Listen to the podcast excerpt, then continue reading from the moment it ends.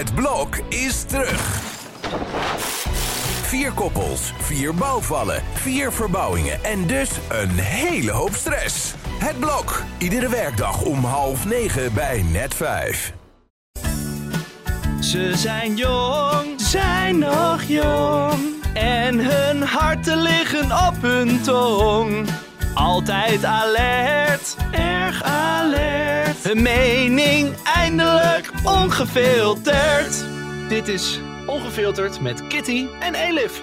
Goedemiddag. Hallo, daar zijn we weer. Het duurde even. Eh, we hebben een kleine tussenpauze van eh, drie maanden gehad. Nee, hoe lang was het? Meer dan een Ja, echt lang. Drie maanden. Nee, niet zo lang, Nee, toch? dat is een grapje. Oh. Ehm, zie je, we is zijn niet lang heel- genoeg om grappig er- te zijn. We zijn er niet, eh, zijn er helemaal uit, zie je? Qua Ja, Kitty en ik zijn, hebben elkaar heel lang niet gezien. En eh, je voelt nu ook weer een beetje als een vreemde. het is wel een beetje uit het oog, uit het hart. Oh, bij mij. wat naar om te horen. Ja. Maar jij was op vakantie en toen zouden we opnemen en toen kwam er iets tussen. Toen moest ik iets doen voor de krant. ja, dus toen moest nou, jij weer aan het werk. Toen moest ik weer aan het werk. Dus zo komt het. Maar we willen graag jullie nu verblijden met een grote nieuwjaarsspecial. Ja, En we gaan het hebben uitgebreid over onze ergernissen. En we gaan ook reflecteren op waarom wij zulke geërgerde mensen zijn. Ja. En dat doen we met behulp van eh, Esther, onze huispsychiater. Eh, die gaan we zo bellen. En we hebben ook een optimistische vooruitblik met Hand en Broeken. Ehm, en die gaat op geopolitiek ons menspenen wat we in 2023 kunnen verwachten. Maar ik vroeg me af, Edith, heb jij goede voornemens? Ben je iemand van de goede voornemens? Eh, nee, eigenlijk niet. Omdat ehm, ik vind het eigenlijk een beetje gedoe. Dus nee. Je hebt niet dit jaar wil ik een beter mens worden. nee. Je hebt Nee. het gewoon opgegeven. Nee, ik vind het niet nodig. Oh, wauw. Ja, jij? Amazing. Heb jij een goed voornemen? Ja, ik heb altijd wel iets van minder op social media zitten. Ja. Dat soort dingen. Meer, meer boeken lezen. Oh ehm, ja. Minder erg aan dingen. Dat heb ik wel eens als eh, voornemen gehad, maar dit jaar niet. Nee. Ja, je, maar je moet, je moet gewoon jezelf accepteren zoals je bent. is veel beter. Oh. Ja. Spiritueel van jou dit. Oké, laten we Esther bellen. Ik moest net opeens denken aan hoe jij altijd zo'n Amsterdamse marktkoopman nadoet. En dat kan je echt supergoed. Oh, thanks. Weet je wat ik bedoel? Kan je, kan je het nu even doen? Nee, nee, nee. Ik kan, ik kan, ik kan, ik kan typetjes niet. Op... Probeer eens. Nee. Gewoon dat zo nee, ik van... voel niet te veel te "Nee, doen. Je, je mag ook niks meer... Nee, ik kan het ook niet. maar ja, nee, maar ja, daar moest ik opeens aan denken. Oh, wat lief. Ik Ja, vind het altijd ehm, leuk om een eh, compliment van jou te krijgen. ja ik, moet, ik moet dat ook vaker doen. Ik ben niet zo heel scheutig met complimenten. Dus ik neem me dan voor om in 2023 meer complimenten aan mensen te geven. Hmm. Het is best wel goed iets. Ik geef best wel vaak complimenten aan mensen. Want ik de- maar wel oprecht. Dus ja, ik wou als, net vragen. Dus altijd als ik mensen zie en ik vind dat ze iets leuks aan hebben, of dan zeg ik dat altijd. Ja, ja, Eh, dat doe ik ook wel. Nederland heeft niet echt een hele sterke complimentencultuur. Mensen geven elkaar weinig complimenten, vind ik. Ja, mensen zijn ook altijd heel verbaasd als je een compliment Ja. geeft. Toch? Ja. Echt zo, oh, oh, dank je. Altijd Ja. zo eh, heel... Niet, niet zo gewoon, je zegt dank je. En dan gewoon verder gaat met je leven. Er moet altijd een soort verbazing in. Ja. Terwijl bijvoorbeeld in Amerika of zo zijn mensen heel complimenteus. Ja, maar daar is wel weer nep. Nou, weet ik niet. Weet niet. Ik heb toch wel ook echt wel Amerikaanse vriendinnen die echt heel erg van het uitspreken zijn wat ze dan aan je waarderen. En ik vind het echt zo leuk aan jou. En Nou, je eh, altijd zulke... Weet je waar ik aan moet denken? Aan Nou? die ene scène in Mean Girls. Dat zeg maar, eh, volgens mij is het Regina. Die zegt dan tegen die, tegen die chick, die Lindsay Lohan, van... Oh, I love your bracelet. Where did you get it? En dan zegt Oh, ze ja. van, my mom made it for me in Africa of zo. En dan loopt ze weg en dan zegt ze, oh, wat een vreselijke bracelet. En daar moet ik altijd ja. aan denken bij dit Hij soort gaat shit. iets anders, die scène. Ik ken deze film namelijk uit mijn hoofd. Ik ook. Maar, maar ze zegt dan zoiets van, that's cute, of zoiets, toch? Dat zegt ze dan altijd. Van, tegen, bij alles wat ze eigenlijk lelijk vindt.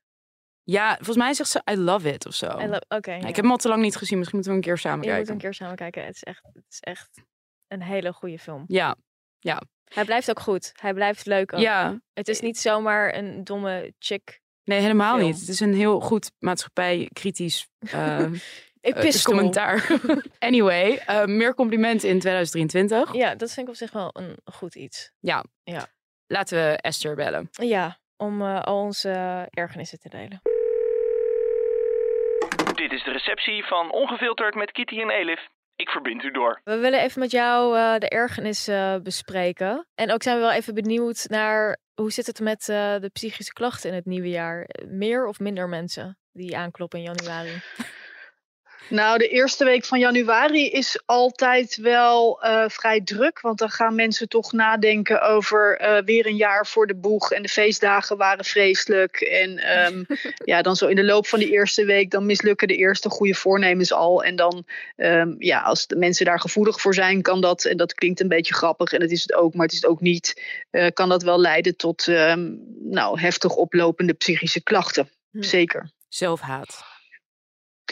Ja, en, en nogmaals, als je dan gevoelig bent voor, voor allerlei nare klachten, dan, eh, dan kan dat zo oplopen dat je inderdaad aanklopt voor hulp. Ja. Die eerste week van januari, die is, die is voor veel mensen niet zo eenvoudig. Nee, ik, vind, ik moet zeggen, eh, hij valt me ook zwaar, de januari. Ja?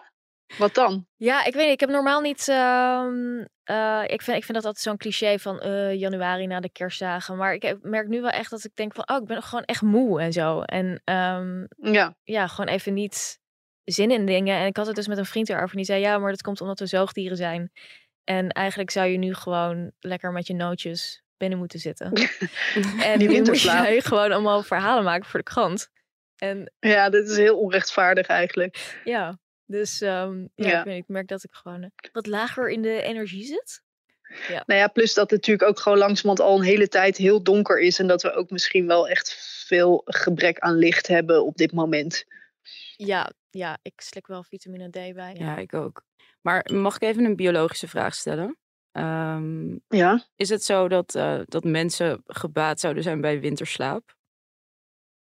Ja dat weet ik niet. Want we zijn wel zoogdieren, maar we zijn ook weer niet echt eh, bruine beren of zo. Dus ehm, Ik, voel, ik voel me wel Ik zo denk nu. Ja, ook wel een beetje zo. je klinkt ook wel een beetje als een bruin beertje zo. Zo Maar heel knuffelbaar. Nee, ja, ik, ik, ja, ook dat. En, maar ik denk dat ehm, het wat rustiger aandoen en inderdaad dealen met wat vermoeidheid en gebrek aan licht, dat dat, nou ja, that's about it, denk ik wel. Ja, Ik heb niet het idee dat mensen nou echt winterslaap moeten gaan, eh, gaan houden. Daar heb ik in ieder geval geen aanwijzingen voor. en Wat minder eten zou misschien ook goed zijn in die eerste weken van januari, maar dat heeft meer met de hysterie van de feestdagen te maken. ja, dat je het even wat rustiger aandoet. Ja. Ja, ik heb niet als goed voornemen om me minder te ergeren, denk ik. Maar misschien ook wel. Jij, Elif?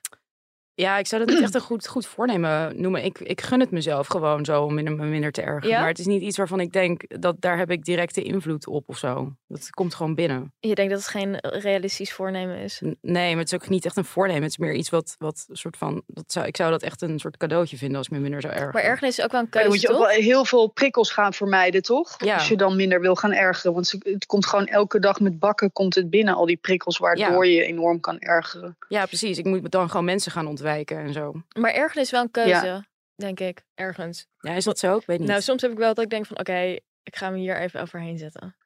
Ik ga me nu, ik denk van, ik ga niet kiezen om niet hier op te gaan focussen. ja, ik kan dat. Ja, je, je ergeren heeft natuurlijk ook wel heel erg te maken met je mentale conditie. Dus je slecht gesla als ik slecht geslapen heb, dan erger ik me echt werkelijk aan alles. Ja. En dus dat heeft wel echt een heel duidelijk verband. Of als het topics zijn die heel gevoelig liggen bij me. Dus ik weet niet, ja, keuze, dat, dat vind ik een beetje ingewikkeld op dat punt. Ja. Dank je. Dat, dat doet me wel goed. Maar er zijn, zijn er manieren, ehm, nou vooral, waarom, waarom ergeren mensen zich aan alles? Sommige mensen, Wij. wij. Waarom ergeren wij Het ons jullie bestaansrecht ook, toch? Ja, Inmiddels Wat is wel, ja. jullie podcast zonder ergernis? ja. Ja. Ehm, ja, het heeft natuurlijk ook wel met de focus te maken. Ik bedoel, als je hele. eh, Kitty, ik, ik kijk jou even aan. Mhm. Soms als jij accounts volgt en die dan deelt, dan zie ik, dan zie ik, nou ja, het zijn vooral vrouwen, en dat is natuurlijk niet zo aardig om te zeggen, maar die dan wel echt hele domme, rare dingen kunnen zeggen, waardoor ik me enorm erger. Mhm. Dus ja, dat niet volgen of niet zien, dat zou al schelen. Aan de andere kant is het ook wel lekker om je te ergeren. Hè? Ja. Ja, en ik heb ook het idee van, ik van- moet wel op de hoogte zijn van wat er gebeurt of zo. Ja. En het ergen is Ja. ook lekker. Ik vind het ook lekker om me te ergeren aan dingen. ja, soms is het lekker. Ja, als je het met ook. mensen kan delen, is het heel lekker. Maar als het alleen in je hoofd zit en niemand begrijpt je. Want soms zeggen mensen, ja, stel je niet zo aan of zo. En dan, dan daar word ik heel verdrietig van. Ja, en dat is natuurlijk ook ergernis als je die kan. Ja, het is wel zielig eigenlijk. Ik ga er veel te snel overheen. Sorry, Elif. Maakt niet uit. Het is heel zielig. Dankjewel. Nou, Ik voel me ja. gezien. Nee, kijk, maar ergernis die je kan delen, inderdaad. Als je kan delen, Elif. Ehm, of die je kan omzetten in iets, iets leuks of iets moois of iets geinigs of een, of een scherpe column. Ja, dan, dan, ja, dan gaat het eruit of dan, dan verbleekt dat een beetje. Maar als het naar binnen slaat en je zit daar in je eentje je enorm te ergeren en je bloeddruk loopt op en je, je krijgt weer last van je eczeem en weet ik wat allemaal. Dat is natuurlijk ook, dat is gewoon heel naar. Dus Ja. eh, wat jullie zeggen is wel belangrijk, dat je ergernis kan delen of kan ventileren. Ehm, want ergernis die naar binnen slaat, ja, dan kunnen mensen ook oprecht heel... ehm, en dan is het niet een beetje lollig ergeren aan dingen. Maar dan kan het ook wel echt leiden tot, tot nou, somberheid of, of gewoon je heel ellendig voelen. Ja, Klopt. gelukkig uiten wij onze ergernissen de hele tijd. Heb jij je geërgerd aan iets de laatste tijd, Esther? Ehm, even nadenken. Nou, ja, ik erger me sowieso aan de feestdagen altijd. Ik vind dat heel ingewikkeld. En dat moeten, dat heilige moeten, daar hebben we natuurlijk ook een keer eerder over gehad. Over vakanties moet ook altijd leuk zijn. Feestdagen moet ook altijd leuk zijn. En ehm, ik, vind, ik erger me dan heel erg aan de onoprechtheid die ik om me heen zie. Dat vind ik echt heel erg lastig. Ja. En ehm, ik vind het ook gewoon, ook dat vind ik heel zielig voor de mensen die geen leuke feestdagen hebben. Of die eenzaam zijn. Of die net eh, een nare diagnose of een relatiebreuk, weet je. En dan heb je die feestdagen en die moeten dan heel leuk zijn. En dat komt dan echt keihard binnen en dan is het niet zo. En dat, daar erger ik me heel erg aan. Ja, dat, dat heb ik ook wel En- inderdaad. Ja. Ja, ja en in de samenleving zijn genoeg dingen om je aan te ergeren. Dus dat is niet zo heel erg moeilijk eigenlijk. Nee, zeker. Waar heb jij je aan geërgerd, eh Edith? Eh, ja, ik, heb me, ik, ik erger me aan heel erg veel. Maar eh, waar ik me echt de afgelopen paar weken heb ik een paar keer iets, iets opgemerkt. En dat ergerde me echt heel erg. En misschien weet Esther waarom dit fenomeen plaatsvindt. Eh, dat is namelijk, eh, je hebt bepaalde vrouwen, alleen vrouwen doen dit. En als ze met hun vriend of hun man praten, dan zetten ze opeens een heel hoog stemmetje op. Oh ja. Een beetje kinder, kinderstemmetje of zo. Ehm, Oh, ik noem dat altijd het voortplantingsstemmetje. Oh, maar is dat dan sexy bedoeld of zo? Want dat is het helemaal niet. Ik heb het ook bij een paar mannen gevraagd van is dat sexy? En die zeggen allemaal nee, het is vreselijk. Ja, nou ja, misschien is dat evolutionair wel zo ooit bedoeld. Ik weet het niet. Maar het is Ehm, zo'n kind, niet- zo'n kindstemmetje. ik heb, een keer, ik heb een keer iemand geïnterviewd voor de quote. Dat ging over beleggen mannen, vrouwen. En die vertelde toen dat in niet minder geëmancipeerde landen, dus waar de vrouwenemancipatie achterloopt, dat vrouwen een hogere stem hebben. En jij Ja, ik beschouwt denk echt dat het, dat het Nee, Oh. niet Nederland. Nederland is wel geëmancipeerd. Ik bedoel echt landen waar vrouwen niet geëmancipeerd maar zijn. toch, toch doen ze het hier dan dus blijkbaar ook. Ja, maar ik denk dus dat het een manier is om de. Want ik merk soms ook dat ik dat doe. Echt? Ni- niet bij eh, Ja? mijn partner of zo, maar bij, bij ehm, soms dat je een soort stemmetje opzet. Soms denk ik, volgens mij praat ik nu anders om iets gedaan te krijgen. Maar bij mannen Wat dus. een Ja. zelfinzicht. dat is inderdaad echt extreem zelfinzicht. Maar ik heb jou dat daar nooit op betrapt. Nee, Gelukkig. Ik zou Maar Nee, maar ik, ik, corrigeer dus ook zelf. Ik corrigeer het dus zelf, want dan hoor ik het en denk, waarom zet ik zo'n stemmetje op? Maar dat gaat dus automatisch. Wa- Wat zei je, Esther? Maar dat klinkt dan wel heel... Nou, ik zei, Elif heeft sowieso al een vrij lage stem. Ja. Dat is dan ook wel weer sexy. En het lijkt me dan heel grappig, Thanks. Kitty, als jij dan jezelf opeens corrigeert en een octaaf weer, weer zakt. Ja, vooral bij iemand die je nog Tijdens- nooit eerder gesproken hebt. Maar ik denk, eh, let je er niet af en toe op? Ik let er wel af en toe op dat ik, ehm, als ik eh, in een omgeving ben waar ik echt serieus wil worden genomen, dat ik niet te, dat ik niet te hoog praat of niet te meisjesachtig praat. Ja, je hebt Oh, wel ja. een meisjesachtige stem. Maar bij jou is het gewoon je stem. Maar ik bedoel dus echt van die vrouwen die dan dus... Nee, dat- dan dat zo is echt tegen hun afgrijzelijk. vent gaan praten. Dat ja, vind zo ik dus praat zo ik alleen erg. tegen mijn kat. Ja, precies. Ja, of tegen een... Dat, zo moeten mensen tegen een kind praten ze zo. Oh ja. Maar je moet toch niet... Je gaat toch niet tegen je man of je vriend zo praten? Nee, dat is echt, dat, is af, dat lijkt me dus afstotelijk. Ja, Ja. ja, mij dus ook. Ugh. Ik weet niet of die mannen dan de waarheid spreken dat ze het allemaal heel erg vinden. Want er moet toch een instandhoudende factor zijn dat Ja. vrouwen dat blijven doen. Ja, Ja. dat zeggen ze waarschijnlijk omdat ze bang zijn voor mijn reactie als ze ja zeggen. omdat ik zo'n mannelijke stem heb.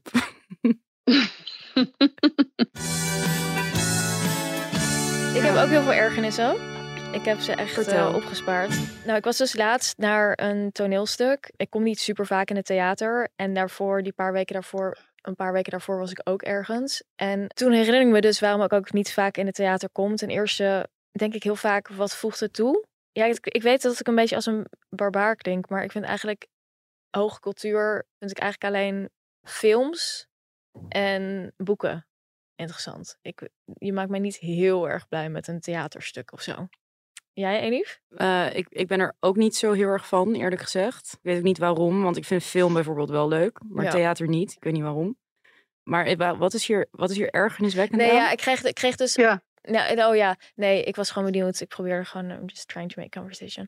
Ehm, ehm, maar het ging, ging dus meer om dat ik zat daar en dan denk ik, oké, het is sowieso, je moet je dan heel erg toezetten. Ik moet dan heel erg eh toezetten om drie, meer dan drie uur me te concentreren op Oh iets. god, ja. En dan ehm, zitten er dus mensen in de zaal. En het was toen net voor kerst. En ik had echt opeens weer een soort corona-angst. En toen zaten er dus mensen. Dit heb je dus fucking altijd als je naar het theater gaat of naar het concertgebouw of zo. Dat vind ik trouwens wel heel leuk naar het concertgebouw.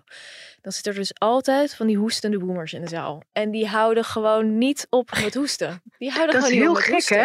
En dan denk Ja. ik echt, Dat is, ja. wat is Oh dit? my, waarom, waarom hoesten jullie de hele tijd? Zeg maar, als je ziek bent, blijf je gewoon thuis. Ja, Maar dat, dat is iets. En ook vaak, zeg maar, in een, in een concertgebouw is het dus ook dat als er dan even een pauze is tussen de muziekstukken, dan gaat iedereen. "Huh, huh." Dan denk je echt, wat? Waarom? alles Zeg maar, ingehouden die toch? hele Ja. tijd.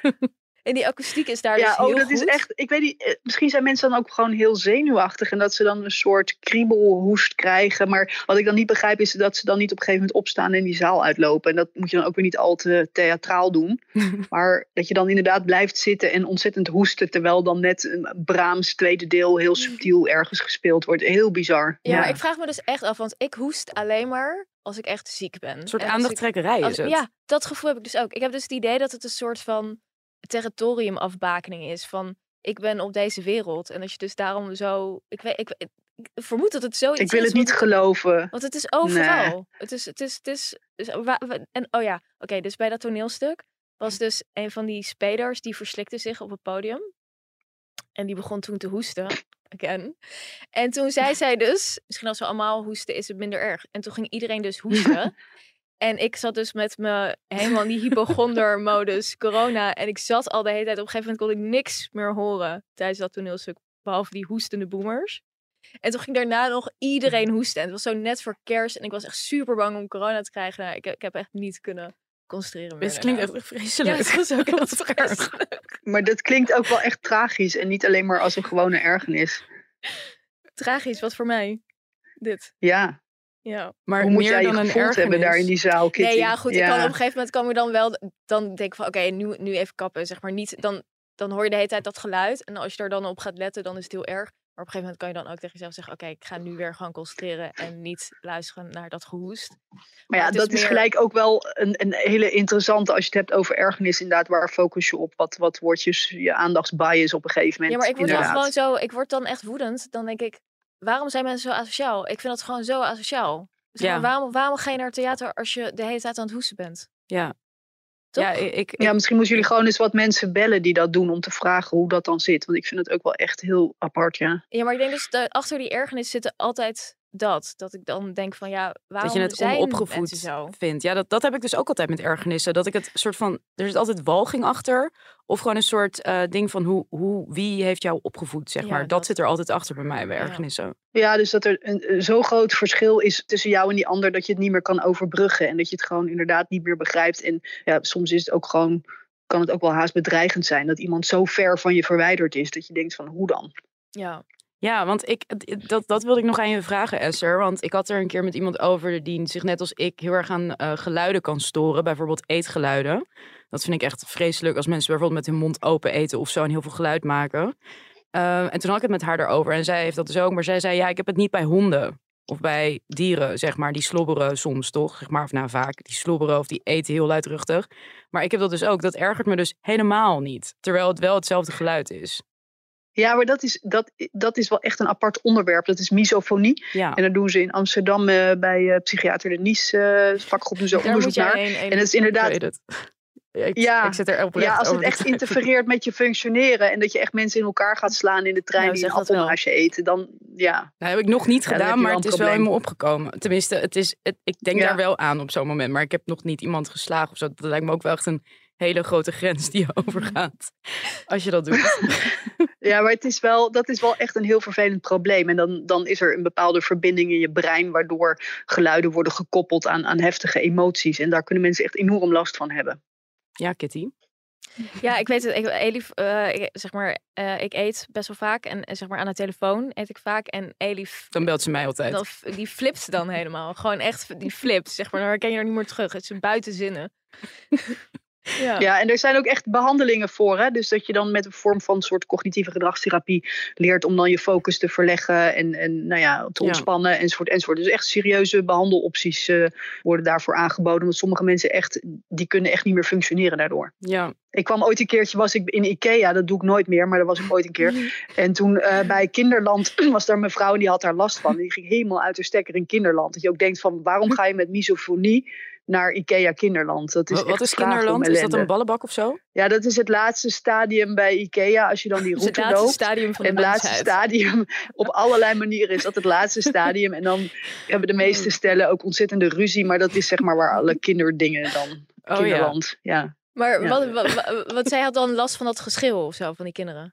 ja, die geluiden van die kinderen en dat geren of gedoe of weet ik veel wat allemaal. Ja, dat is ook Gewoon heel veel prikkels irritant. eh, die dan eh, heel hard binnenkomen, ja. Ja. Ja, dus dat. Maar goed, kijk, irritaties, korte lontjes is natuurlijk ook, ook wel echt iets in, in deze tijd waar iedereen ook alles van elkaar de hele tijd maar ziet. Hè? Dus het is ook, ja, je kan je heel moeilijk afsluiten voor dingen. Alles komt zo binnen via social media. Niet dat dat het enige kwaad is, maar dus dat. En, je moet ook de hele dag moet je, moet je zelf eh, je eigen grenzen bewaken. Want dat doen we dan niet meer als groep of als collectief. Dus iedereen is ook wel erg alert en op zijn hoede, merk je. En ehm, ja, ik denk dat dat allemaal wel leidt tot, tot veel irritatie en ergernis in het algemeen, eerlijk gezegd. Mag ik nog één ergernis eh, bespreken met jullie? Ja, leuk. Ik hoor heel vaak dat mensen het woord seksistisch gebruiken wanneer ze seksueel getint bedoelen. Oh ja, ja, ja. en dat ja. vind ik echt Dat super me ook heel irritant. erg. Ja. Oh ja, dus dat is weer veroordelend dan direct, ja. Ja, dus het was dus laatst bij RTL Boulevard en dat ging dan over het gesprek, het, het tampongesprek ooit tussen Charles en Camilla, want het wordt dan altijd weer opgehaald, want het ging over Harry en Meghan. En dan zei, ze, en dan zei die eh royalty-verslaggever, zei dus, ja, want het was een heel seksistisch gesprek. Dat, dat vind ik zo ergerniswekkend, dat iemand dat op tv dat verschil niet weet. ja, dat is echt fucking dom. Ja, Ik vind, dat, dat is is gewoon echt wel een beetje dom inderdaad. Ja. Ja, dat, maar Ja. ik heb wel het idee dat mensen dat nu minder doen, omdat seksisme nu heel vaak wordt aangehaald. Dat mensen inmiddels misschien wel. Vroeger gebeurde dat veel vaker. Toen werd seksistisch echt de hele tijd gebruikt als seksueel getint. Ja. Eh Maar het seksistische is grap. natuurlijk ook een soort scheldwoord geworden bijna. Ja. Dus daar passen mensen misschien wel. Ik vind het woord onveilig heb ik wel heel veel moeite mee. Ja. Ja, omdat het extreem subjectief is natuurlijk. Nou, maar ook wel heel erg powerful. Hè? Dus als iemand zegt ik voel me onveilig, dan schrikt iedereen zich helemaal een hoedje. En dan, ehm, dan heb je ook wel direct. Ja, ik bedoel, even los van de situaties dat het ook oprecht zo is. Maar ik vind dat het wel heel vaak en heel makkelijk wordt gebruikt. En je scoort er wel enorm effect mee, vind ik. Ja, en het is ook een beetje.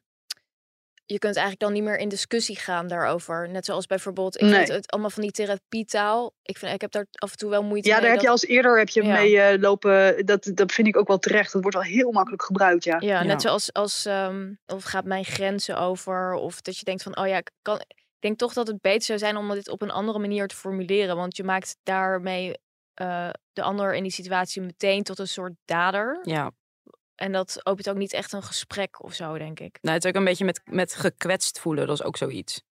Toch? Ja. Ja, en dan ben je een beetje uitgepraat en dan kan je alleen maar zeggen, oh, wat naar. En dan, eh, weet je, ja, dan stopt een beetje de uitwisseling, vind ik. Maar een ander voornemen, even voornemen is dan ook, ehm, waar ik me ook heel erg aan irriteer als psychiater, is dat heel veel psychiatrische diagnoses worden gebruikt om mensen die eh, jij vervelend vindt of wiens mening jou niet aanstaat, om die dan zeg maar kal te stellen. Oh ja. En dan Oh ja, krijgen ja. ze een psychiatrische diagnose. En dan Narcisme. hoef je die mensen.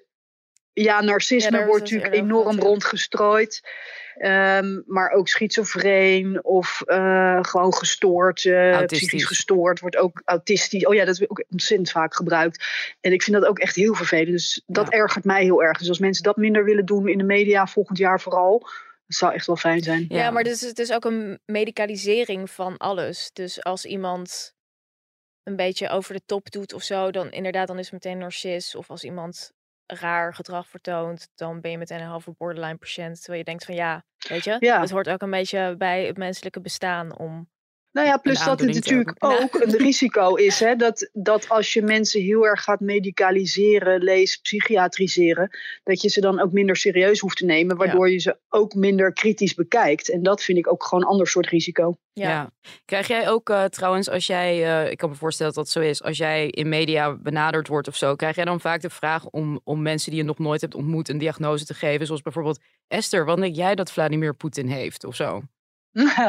nou, daar ben ik al echt heel lang heel stellig over dat je dat niet hoort te doen. Als je iemand niet persoonlijk Ja. hebt onderzocht en als je iemand wel hebt onderzocht, dan heb je beroepsgeheim en dan mag je er niks over zeggen. Dus ja, dat, dat is überhaupt iets waar ik altijd heel duidelijk over maar dat ben. lijkt Dat daar echt geen sprake Heel van is. irritant als mensen dat dan proberen, zeg maar. Maar kan je het wel zien? Kan je het stiekem wel zien? Dat je denkt van, oh, die heeft een antisociale persoonlijkheidsstoornis of zo? Nou, ik- ik vind dat heel lastig als je iemand niet hebt onder, onderzocht of hebt ontmoet. Omdat je gewoon de interactie, zeg maar, de dynamiek tussen jou en die persoon is ook heel belangrijk. En Oh ja. zeker als het gaat dus over het vaststellen van persoonlijkheidsstoornissen, is dat een eh, wezenlijk onderdeel. Ze hebben het wel een keertje geprobeerd. Waar het elke keer wel weer geprobeerd wordt, is met die gynaecologen die dan hun, hun sperma ehm, Oh ja. verspreiden. Dan, dan wordt dat, en dan is het van ja, maar we willen het in het algemeen weten hoe dat soort mensen eigenlijk in elkaar zitten. Ja, dat vind ik dan ook altijd wel weer een soort van grappig bijna. Maar ehm, het mag niet, het kan niet. Wat interessant dat dat specifiek bij dat hele specifieke voorbeeld dan wordt gedaan. Ja, daar ben ik echt een paar keer al voor gebeld. Over de gynaecologen die eh, te kwistig met sperma Maar rondstrooien. wat, ja. wat, wat is dat dan, denk jij? Ga je het ook niet Ja, god, Kitty. Ja, ik ben nu benieuwd. ik wil nu ook weten. Het zijn gewoon hele vrijgevige, genereuze mensen. Nee, Oh ja. grapje. Eh, Geen idee. Geen idee. Ik heb Het ze zijn toch gewoon ontmoet. mannen die gewoon hun sperma zoveel mogelijk willen verspreiden? Het Dat is zijn toch gewoon mannen die sperma. Ja. Dat is toch biologisch gewoon heel normaal, toch? ja, maar dit is natuurlijk wel bijzonder als je dat eh, echt zo grensoverschrijdend doet. maar dat was helemaal niet het topic van deze podcast. Maar ik ben toch blij, Wel leuk toch blij dat we het er even over hebben gehad. Ja, goed. Alright, dankjewel. Ja, Oké. was eh, nou, fijn. dames, veel plezier en succes met de podcast komend jaar. Ik ben benieuwd naar alle ergernissen. Ik hoop dat er weer eh, veel en leuke ergernissen voorbij komen eigenlijk. Ja, maar niet te veel. Niet, niet, niet dat ik veel, mensen in elkaar leuk. ga slaan in de trein, toch? Oh ja, nee, dus niet naar de IKEA. Nee, dat ga ik zeker niet doen. Hey meisjes, zal ik het eens even goed uitleggen? Het is tijd voor de mensplaner.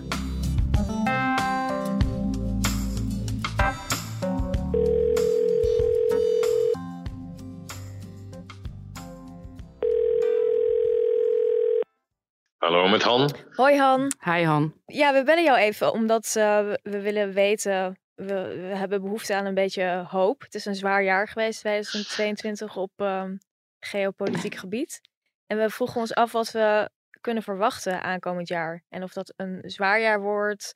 En eh, wat we nog kunnen verwachten met de gasprijzen. En wat jij denkt hoe de oorlog in Oekraïne zich gaat voortzetten. En wat dat ook betekent voor ons in West-Europa. Nou, het is heel moeilijk natuurlijk om een echte voorspelling te doen. En die glazen bol die heb ik ook niet kunnen vinden de afgelopen weken. Ik denk dat het een moeizaam jaar wordt. Maar laten we nou eens proberen om die positieve blik ehm, daarop te geven. Dus ik heb voor jullie, als je het ehm, leuk vindt om te horen, heb ik een, een scenario in elkaar gezet dat even positief als waarschijnlijk onwaarschijnlijk is. Maar nou ja, het is in ieder geval positief. Dus, dus bear with me, zou ik zeggen. Ja, ja, Dat ja, eh, klinkt heel klaar. goed. Ja, kom maar. Oké. Een vreugdige Nou. We love it. Als amateur mansplainer in dit eh, programma wil ik in ieder geval wel mijn best doen. Mansplainer in Ehm, training is denk ik een betere, een betere term voor Uh, jou. mansplainer in training, ja, dan moet je me wel vaker gaan bellen, want anders stelt die training natuurlijk niks voor. Maar goed, ik, ik, ik doe mijn best, oké? Ja. Ehm, ik denk dat de Russische strijdkrachten aan het einde van de winter die nu gaat komen, dus niet de winter die nu op zijn, daar waar we nu middenin zitten, dus over een jaar, dat ze doeldrieste aanval in, in, eh, in invasie in Oekraïne, dat die tot zijn einde zal komen. De Russische economie is dan officieel in default.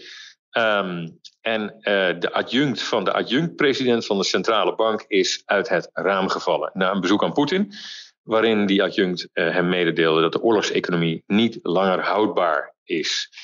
En met haar is trouwens ook de koers van de roebel eh, gevallen. Ehm, de inleiding eh, voor deze steeds verder dramatiserende situatie voor de Russische economie is natuurlijk de wereldwijde recessie. die we eerst tegemoet gaan nu alle energieprijzen, inclusief olie en gas, zijn geluwd. Um, China kampt met een enorme arbeidsuitval, omdat het zero-covid-beleid maar gewoon wordt doorgezet.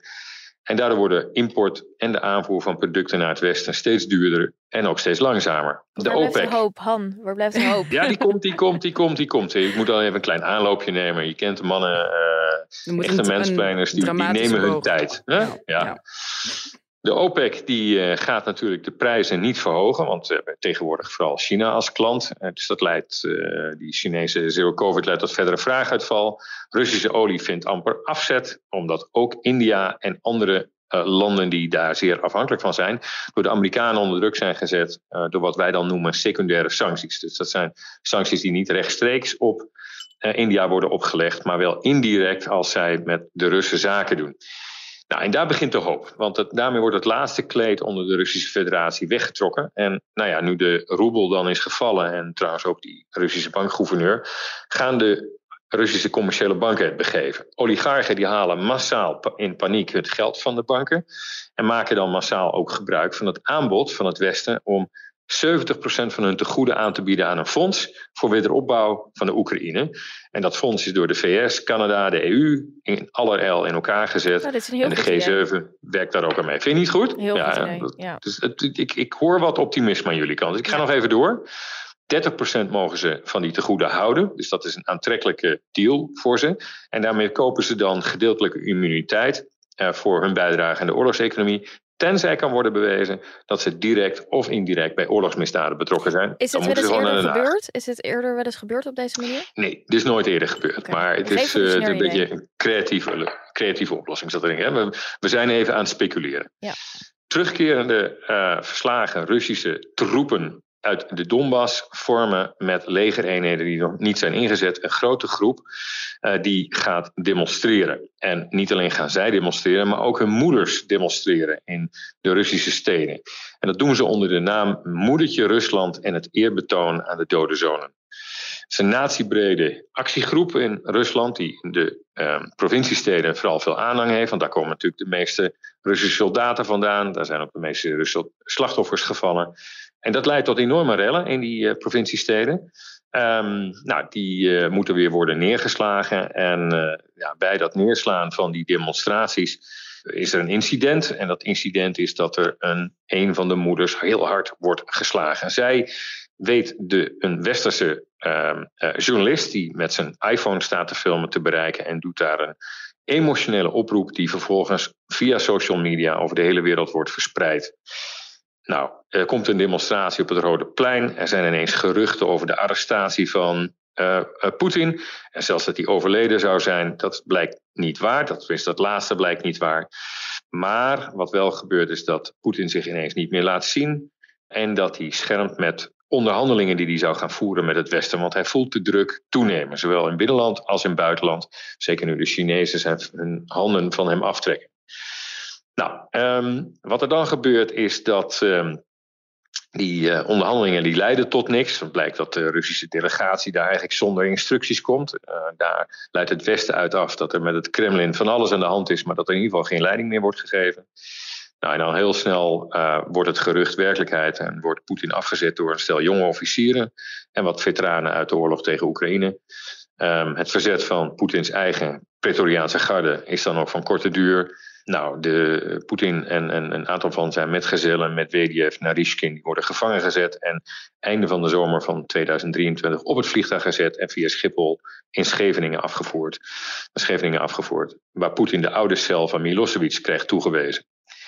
Hij voert daarna een groot gevecht om de macht in Rusland. Voor de tweede keer sinds 1990 desintegreert dat land volledig. Republieken en taalgemeenschappen die nog een appeltje met Moskou te schillen hebben, zoals de Tataren, die eisen onafhankelijkheid. En alle voormalige goslanden, dat herinner je je misschien nog, waar Rusland bestond voordat het de Russische Federatie ging heten, die gaan akkoord met het vertrek van Rusland als lid van de VN-veiligheidsraad. En dat kan ook, want officieel behoorde die zetel in de Veiligheidsraad niet aan Rusland, maar aan de Sovjet-Unie. Rusland heeft die zetel eigenlijk gewoon ingenomen. De VN-veiligheidsraad wordt daarna hervormd en uitgebreid met Duitsland. Is een voorbode voor een zetel van de EU. Met Nigeria, India, Pakistan, Brazilië en Frankrijk en het Verenigd Koninkrijk geven hun veto op zodra de EU de zetel heeft ingenomen. En dan hebben we ook in één klap een EU-buitenlandbeleid. De Britten gebruiken dit als een voorwendsel om weer bij de EU terug te keren. Dat doen ze voor rondom de kerst, verwacht ik, in de Europese Unie. Oekraïne ontpopt zich als een sterke economie en een heel behoorlijke democratie. En ook een baken van rust met heel sterk bewaakte buitengrenzen. Uh, om de stabiliteit, om de instabiliteit van Rusland te kunnen keren. In Den Haag, in ons eigen land, uh, begint een tribunaal voor oorlogsmisdadigers uit Rusland. En dat tribunaal zal de geschiedenis ingaan als het betere Nuremberg. Poetin krijgt levenslang, overlijdt in gevangenschap en gaat de geschiedenis in als de man die Rusland definitief aan haar einde hielp. Nou, dat is even on the cuff mijn mansplain voor het komende jaar. Er zal waarschijnlijk niet van gerealiseerd worden, maar het is in ieder geval een mooie droom. Maar Heel um, gedetailleerd ook. Ja, Chapeau. maar is, is het, het kan tot einde komen op een moment dat mensen in opstand komen in Rusland? Maar er wordt vaker ja. over gesproken, maar dat is dus niet iets heel realistisch. Terwijl als jij het eigenlijk zo uitlegt van inderdaad, nee, het de kan steun gebeuren. voor Poetin is er nog steeds. En um, uh, die neemt wel af naarmate er uh, nu straks, als er uh, de komende dagen wordt er gemobiliseerd. Dan wordt het land ook de facto gesloten voor alle mannen. Oekraïne heeft het natuurlijk al gedaan aan het begin van de oorlog.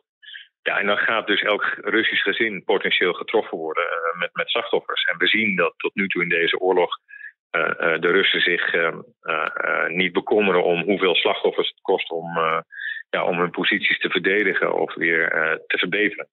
Uh, dus ik denk dat uh, dit is de enorme gok, maar ze hebben geen andere keus meer dan dit te doen.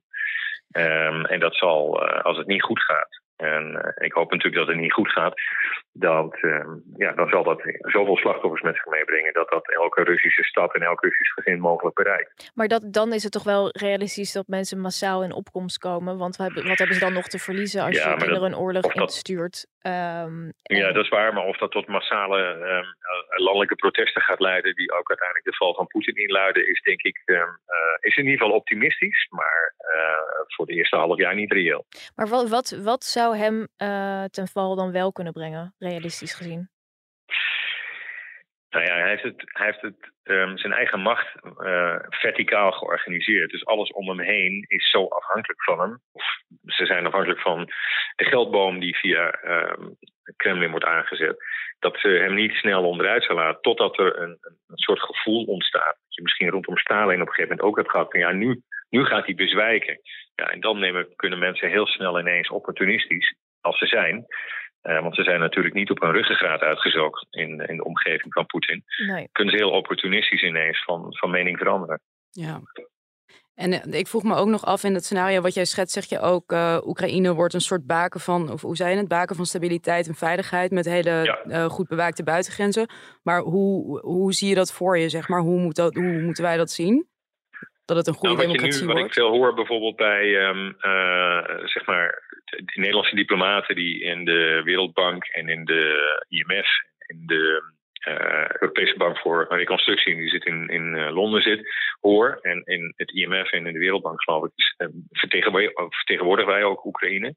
Is dat er iets heel aparts gebeurt met die oorlog. En dat is dat Oekraïne stond natuurlijk bekend om zijn eh, ehm, wijdverbreide eh, corruptie. Het was Mhm. na Rusland het meest corrupte land van, van Europa, van het Europese continent. Ja. En vele malen corrupter dan veel landen waarvan wij denken dat ze extreem corrupt zijn.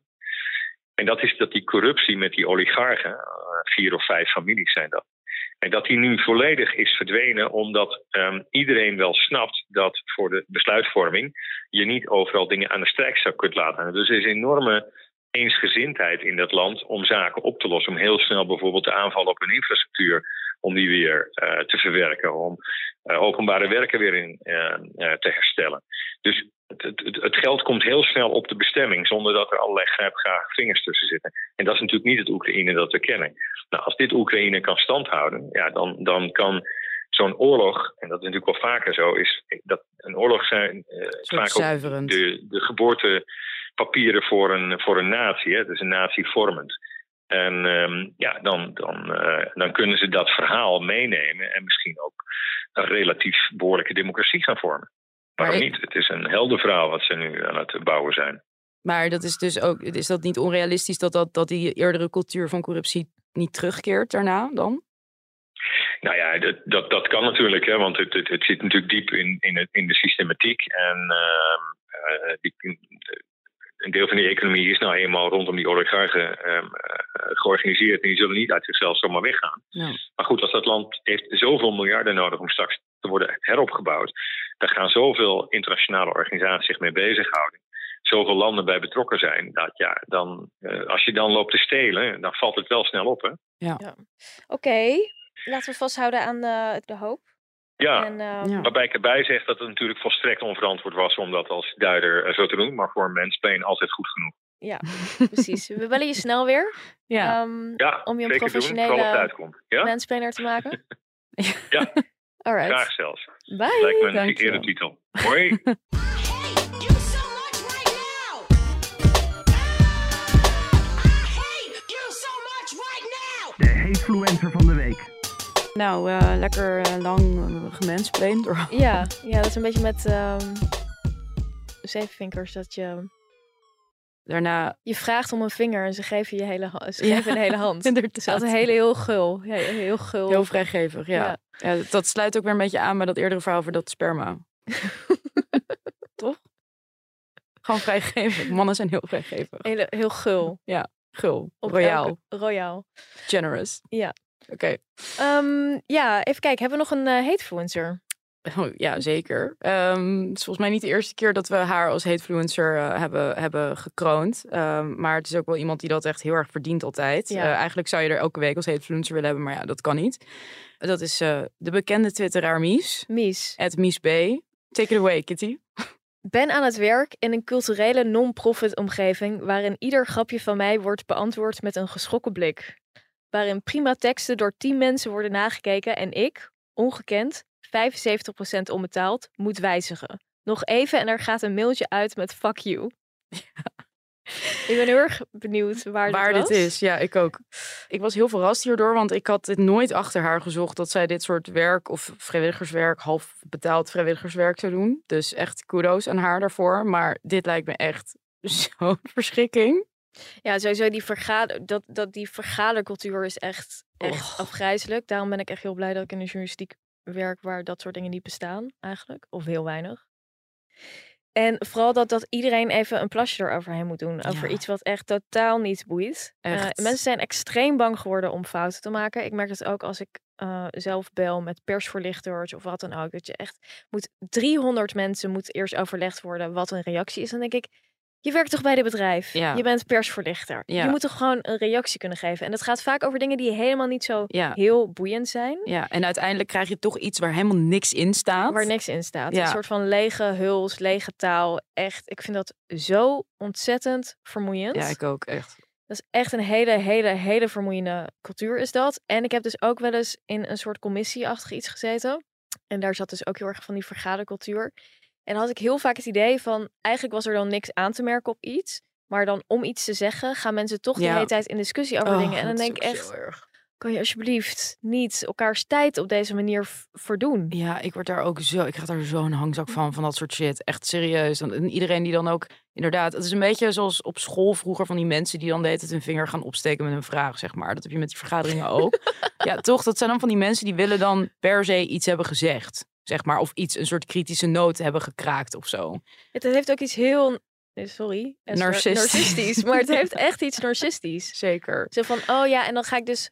En dan zeggen mensen van, ja, maar moeten we dan niet over nadenken dat dit en dit en dat? En dan, denk, en dan zegt iemand anders van, nou, hoeft niet per se, want het is toch duidelijk dat... Ja, maar ja, goed, dit en dit en dat. En dan denk Ja. ik, oh my god, waarom ben Maar- je zo? Maar ik heb echt extreem weinig eh, geduld voor vergaderingen. Zeg maar, ik heb na 20 minuten word ik echt super onrustig. En dan heb ik zoiets van, ja, eh, oké, nu is het wel, weet je wel. Dus dan denk ik ook, ik zou dus nooit van mijn leven, jij denk ik ook niet, eh, een managementpositie kunnen hebben in Nederland. Omdat ik zou er echt helemaal getikt van worden als ik, dit, als ik hier aan mee zou moeten doen. Nee, maar je hoeft je er niet aan mee te doen. Je kunt ook leiding geven op een andere manier. Ik zou best willen leiding geven. Ja, maar als je in een organisatie zit waar dit erbij hoort. Ja, maar ik zou überhaupt niet bij zo'n organisatie willen Nee, oké, ik zou dan alleen helemaal aan de top willen zitten en niet in het sowieso. Dat je de hele dag iedereen kan afblaffen. Maar dat Ik mag zou niet meer, vergaderingen- tegenwoordig, Elief. Ik zou Mag je vergaderingen. mag je niet eens meer mensen afblaffen. Nee, maar ik word echt binnen een week aangeklaagd voor grensoverschrijdend gedrag. dat sowieso. Maar nee, maar ik zou dan vergaderingen verbieden. Dat lijkt me heel chill.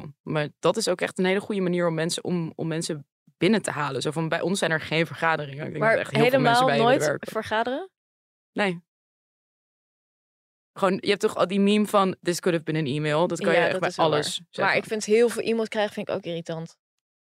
Nou ja, dan moet je maar gewoon eh, stoppen met werken. Oké.